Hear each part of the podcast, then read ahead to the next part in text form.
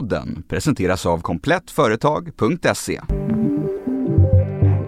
An apartment building, a kindergarten, and a two story shoe factory were targeted and destroyed. The city of Mariupol is besieged by Russian forces. And everyone inside is trapped. Missiler i bostadskvarter, beskjutning av flyende civila och döda soldater på båda sidor. Vi ser dagligen kartor över de ryska truppernas framfart och kriget live rapporteras i våra telefoner.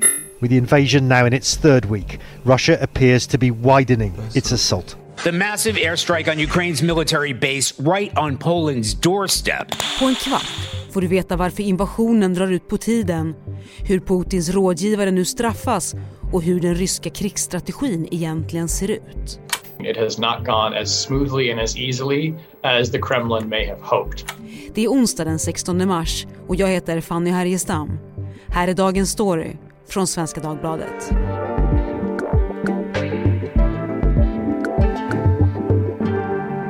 Janni Sallinen, nyhetsreporter här på SvD och Staffan Lövstedt, fotograf på Svenska Dagbladet. Du är nyss hemkommen från Ukraina. Staffan, vi börjar med dig. Du har ju sett förödelsen av kriget på plats nu. Hur skulle du beskriva den? Vi eh, hängde ju i västra delarna av Ukraina eh, kring Lviv och där är det mest flyktingströmmen som, som hela tiden pumpar på från eh, Kiev och från Mariupol. Och det är så fruktansvärt många som är på flykt hela tiden. Du och reporter Gunilla von Hall har gjort en rad starka reportage inifrån Ukraina för, för Svenskan. Eh, ett av de senaste var från ett barnhem i Lviv. Eh, de som jobbade där hade valt att inte fly. Hur var det att vara där med dem? Det var ju barn från eh, både från Donetsk och, och, Kiev och de hade samlats där så det var ju föräldralösa barn. Eh, barn som inte har någonstans att ta vägen eh, ut i Europa utan de blir ju kvar. Och då var det lärare och, eh, och andra vuxna som valde att stanna kvar. Eh, otroliga berättelser där de kom ifrån men också den oro de hela tiden fick jobba med. Och eh, de hade också en väldigt, väldigt fin förhållande till barnen. De försökte hela tiden få tillbaka barnen till ett normalt tillstånd. Att, eh, att det var lek och att det var matstunder och att det fanns ett lugn i, i kaoset. Hur svårt är det att fly från Ukraina just nu? Det är, du måste ordna transporterna själv helt. Det finns busstransporter och sånt. Eh, familjer splittras vid gränsen. Det är män mellan, i vuxen ålder får inte lämna landet. Så flera familjer planerade för att fly och de hjälptes åt fram till gränsen. Men där var Kvinnor och barn fick lämna landet medan mannen fick vända tillbaka till där de bodde eller gå med i kriget eller något. Så det var oerhört mycket stress och mycket sorg som vi mötte. Det här är ju verkligen liksom krigets ansikte just nu och all krigsstrategi landar ju till slut i, i människors liv. Men om vi höjer blicken, som vi ska göra i det här avsnittet och ser kriget som strategerna gör. Eh, hur går det egentligen i kriget, Janni? Ja, det går ju trögt. Man startade med en eh, militär kampanj i februari som snabbt och enkelt skulle inta Ukraina och fälla Kiev. Och det har ju inte gått, det ser vi idag. Okej, så det kan man säga är en sorts, eller var en sorts plan A. Finns det en plan B Eh, nu eller? Ja det finns, eh, det, man, kan, man kan se ut olika faser när man läser olika experter. Man börjar med artilleri i plan B då med, i betydligt högre skala än i början. Det gjorde man ganska tidigt in i kriget. Man börjar bomba städer eh, med artilleri. Det här har inte heller fungerat. Putin har bara gjort gradvisa framgångar och det vi ser nu det är plan C kan man säga. Den är ännu brutalare, ännu mer artilleri. Vi ser höga hyreshus smulas sönder på olika mm. bilder och eh, man vill ha in styrkor från andra länder. Ehm, när vi ser de här söndergrusade småstäderna eh, så vet vi att de här de ryska militärförbanden på marken har inte lyckats med sina uppgifter. Och det skulle ju gå fort det här kriget påstods det från många håll. Man pratade om timmar. Nu är vi inne på tredje veckan. Eh, varför då Janni? Ja, Ukrainas armé gör ett väldigt hårt motstånd. Eh, de har stöd från väst med vapen som bromsar de ryska framryckningarna och eh, Ryssland har uppenbarligen då inte det ukrainska folket med sig överhuvudtaget. Vi ser också uppgifter om att Ryssland begär hjälp från andra och det mm. är ju en indikation på att någonting saknas i den egna militärapparaten. Um, man har inte räknat med det hårda motståndet helt enkelt. Vad vet vi om den ryska strategin egentligen?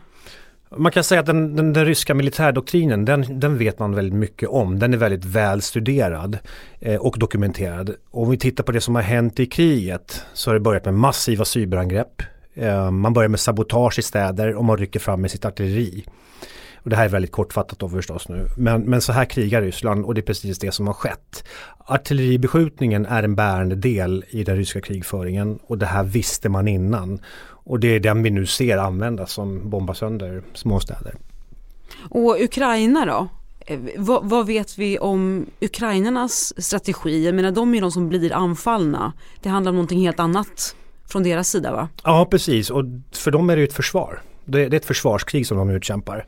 Eh, en taktik som har varit tydlig, det minns alla den här konvojen. Eh, man hackar sönder den, eh, man tar bränslelaster och fordon som ska köra ut förnödenheter och mat till de ryska soldaterna i fronten. Just det, och det är alltså den här konvojen som stod en bit ifrån Kiev, eller står fortfarande, men som inte har rört på sig så som den skulle göra va? Den har splittrats upp nu, de har lagt sig i skydd för att de blir, um, det finns faktiskt en liknelse med finska vinterkriget här på Ratevägen 1940.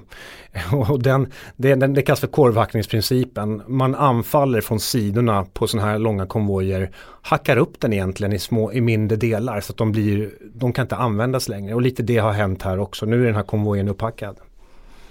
Och Kiev, huvudstaden, har hela tiden mer eller mindre stått i fokus och det här med hur nära är ryssarna nu Kiev. Varför är det så viktigt hur det går med just huvudstaden? Ja, huvudstaden är landets maktcentrum. Där finns regeringen, presidenten, symbolen för Ukraina och egentligen det är samma sak med Sverige. Stockholm är huvudstaden, det är den tyngsta symbolen. Eh, intar man en huvudstad så skickar det en jättestark signal eh, till övriga delar av landet. Det behöver inte betyda att man ger upp, men det är definitivt en sån här segersymbol. Och Ukrainas sydöstra delar, alltså där har ju attackerna varit oerhört våldsamma. Du pratade ju om det här Janni, det här med som söndersmulningen av mindre städer stora delar är i stort sett bara bråte efter bomberna. Vad vill Vladimir Putin med all den här förstörelsen? Ja, för det första så känns det absolut totalt meningslöst när man ser det här. Men det här är krigföring i, i dess värsta form eh, kan man säga. Okej, man har inte kommit till kemiska vapen men det här är brutalt. Det artilleribeskjutningen framförallt gör det är ju att kuva försvaret i en stad. Militär så, såväl som civilbefolkning måste ducka och gömma sig hela tiden. Du kan inte gå fram så du måste hela tiden ta skydd och det här är då tänkt med tillräcklig bombning så ska du bara ge upp. du har bara ruiner att slåss på till slut. Så det är det man försöker göra nu. Också i de sydöstra delarna där har vi ju den här kustremsan, eh, Svarta havets remsa. Är kusten viktig för Putin? På något särskilt sätt? Kusten är absolut viktig. Man ska först komma ihåg att de här städerna som finns där, Mariupol och de här, alltså det här är vackra kulturstäder. Man har satsat mycket där. Zelensky var där 2019 med stor del eh, utländska investerare. Att här ska vi satsa pengar, vi vill ha hit utländska pengar och nu är de här städerna söndersmulade. Är det viktigt för Putin? Ja, strategiskt är det viktigt att ha de här hamnstäderna. Han kan ta in sina krigsfartyg där och så vidare. Men i övrigt är det helt meningslöst att bomba sönder den här typen av städer, om du frågar mig. In capturing Odessa's ports, Russia would be able to cut off Ukraine from the Black Sea and from all supplies coming in by ship. Shoveling sand into sandbags on Odessa's beach to strengthen the city's defenses. This is the, the perfect example and this is what we should do. Många bedömare verkar ju nu eniga om att försöket att ta över Ukraina går dåligt, som du har varit inne på Janni. Och det väcker förstås frågor om vem som bestämmer och justerar strategin för kriget. Ja, precis. Och det är många led här, generaler och så vidare styr. Men alltså det är viktigt att komma ihåg här att det här är Putins krig. Han är den som är överst och bestämmer. Han är commander in chief, ungefär som Joe Biden, eh, USAs president, är i USA. Men han kommer knappast då sätta dit sig själv för den här misslyckade eh, invasionen av Ukraina. Eh, så då finns det några personer under honom och det, vi har generalen eh, försvarsministern Shoigu, eh, generalstabschefen Geramisov. Eh, det här är några av de som är högst ansvariga för själva krigsplaneringen och de är också arkitekterna bakom invasionen av Krim 2014 och eh, även delar av ehm, eh, militära insatser i Syrien, i Syrien då, som Ryssland eh, bombade sönder städer och sådär. Så de har lyfts fram som väldigt sådär, nästan hjältar. Det här är de som definitivt ska jobba med kriget mot Ukraina eller som de själva kallar för militära operationen i Ukraina. Men, och hur kunde det bli så fel då om de här är så eh, ruttade och anses så duktiga på krigföring?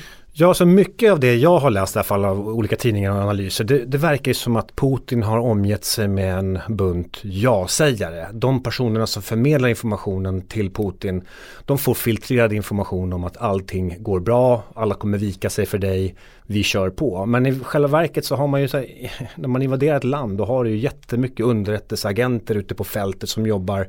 De kanske har en korrekt bild, det finns ett motstånd i Ukraina, man kanske har ett gott försvar man samlar på sig den här informationen men någonstans på vägen upp så filtreras den här informationen och det blir så att säga eh, något som talar för att Putin kommer få väldigt lätt att invadera Ukraina men det har ju inte stämt.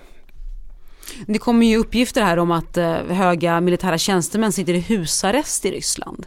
Vad, vad betyder det? Ja, ett par, ett par spionchefer från FSB sägs sitta i husarrest och det har inte bekräftats av Ryssland och det kanske aldrig kommer att göra det.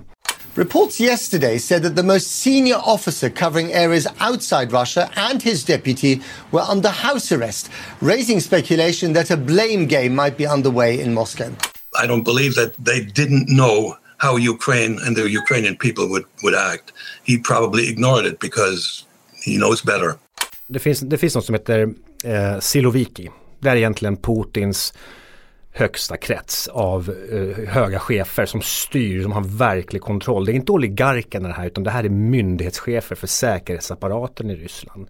De personerna är ju de som egentligen är att säga Putins problem om de börjar vända sig mot honom. Eh, där är vi inte än men det är inte några personer han kan sätta i husarrest tror jag. Och som vi var inne på i början här av avsnittet, de som i slutändan ofrivilligt drabbas av alla de här krigsplanerna är ju civilbefolkningen. Staffan, du som just har varit på plats inne i Ukraina. Jag tänker på marken i dina möten med ukrainare. Alltså hur mycket bryr man sig där om det här? Varje sidas drag i kriget, olika fronter och strategier. Man är väldigt fokuserad på, på att överleva ska jag säga och, och sin familj. Motståndet är enormt. Man, är, man eh, hamrar ut sin, sin kampvilja ska jag säga. Eh, även på, på tågstationen när man är på slutflykten genom landet så, så höjer man näven och eh, pratar om kampen och hur viktig den är och att vi ska inte ge upp. Finns det någon liksom framåtblick? Har du hört några sådana kommentarer om vad det kan komma att bli av Ukraina i, i allt det här? Liksom, kommer Ukraina bli rysk till slut eller kommer Putin faktiskt liksom ta och helt kontrollera någon viss del av landet eller så? Resonerar människor som du har mött på, på det viset alls? De första dagarna så var kampviljan och det var helt omöjligt att ge upp något. Men, men bara under den tid, de få, vi var inne kanske i sju, åtta dagar så, så kändes det som att, att Eh, folk eh, ändrade lite på och, och kände att det kanske inte kommer gå helt bra i allting. Men ingen kunde egentligen erkänna att vi skulle kunna tänka sig att bli besegrade ändå. Utan vi vill ha vår frihet, vi vill ha vår demokrati. Eh, det, det finns inget annat option. Janni, vad kommer du ha koll på här framöver när det gäller krigsföringen? Ja, men den, något som är intressant att följa det är givetvis då eh, går över i olika faser nu. Vad händer nu? Finns det en röd gräns för NATO till exempel? Kan man få nog? Jag har fått nog i alla fall. Men, men hur kommer övriga världen reagera? Sen har vi också södra Ukraina. Vi var inne på det där med, med kustremsan mot Svarta havet, Odessa och eh, Mariupol och det här. Finns det någon chans för Ukraina att kämpa tillbaka och slå tillbaka? Det tänker jag följa. Tack Janni Sallinen och Staffan Löfstedt för att ni var med i Dagens Story. Tack. Är du som företagare trött på dålig eller till och med obefintlig service? På att aldrig komma fram i långa telefonköer? Vill du bli sedd och få just dina unika IT-behov mötta? Komplett Företag är en modern IT-återförsäljare som tror på kraften med en riktigt bra webbshop tillsammans med en riktigt bra kundservice. Välkommen till komplettföretag.se din partner inom IT och kontorsutrustning online. Du har lyssnat på Dagens Story från Svenska Dagbladet. Vi som gjorde programmet idag är producent Elin Romigliotto, redaktör Erika Hallhagen och jag heter Fanny Härgestam. Vill du kontakta oss så mejla till dagensstory.svd.se.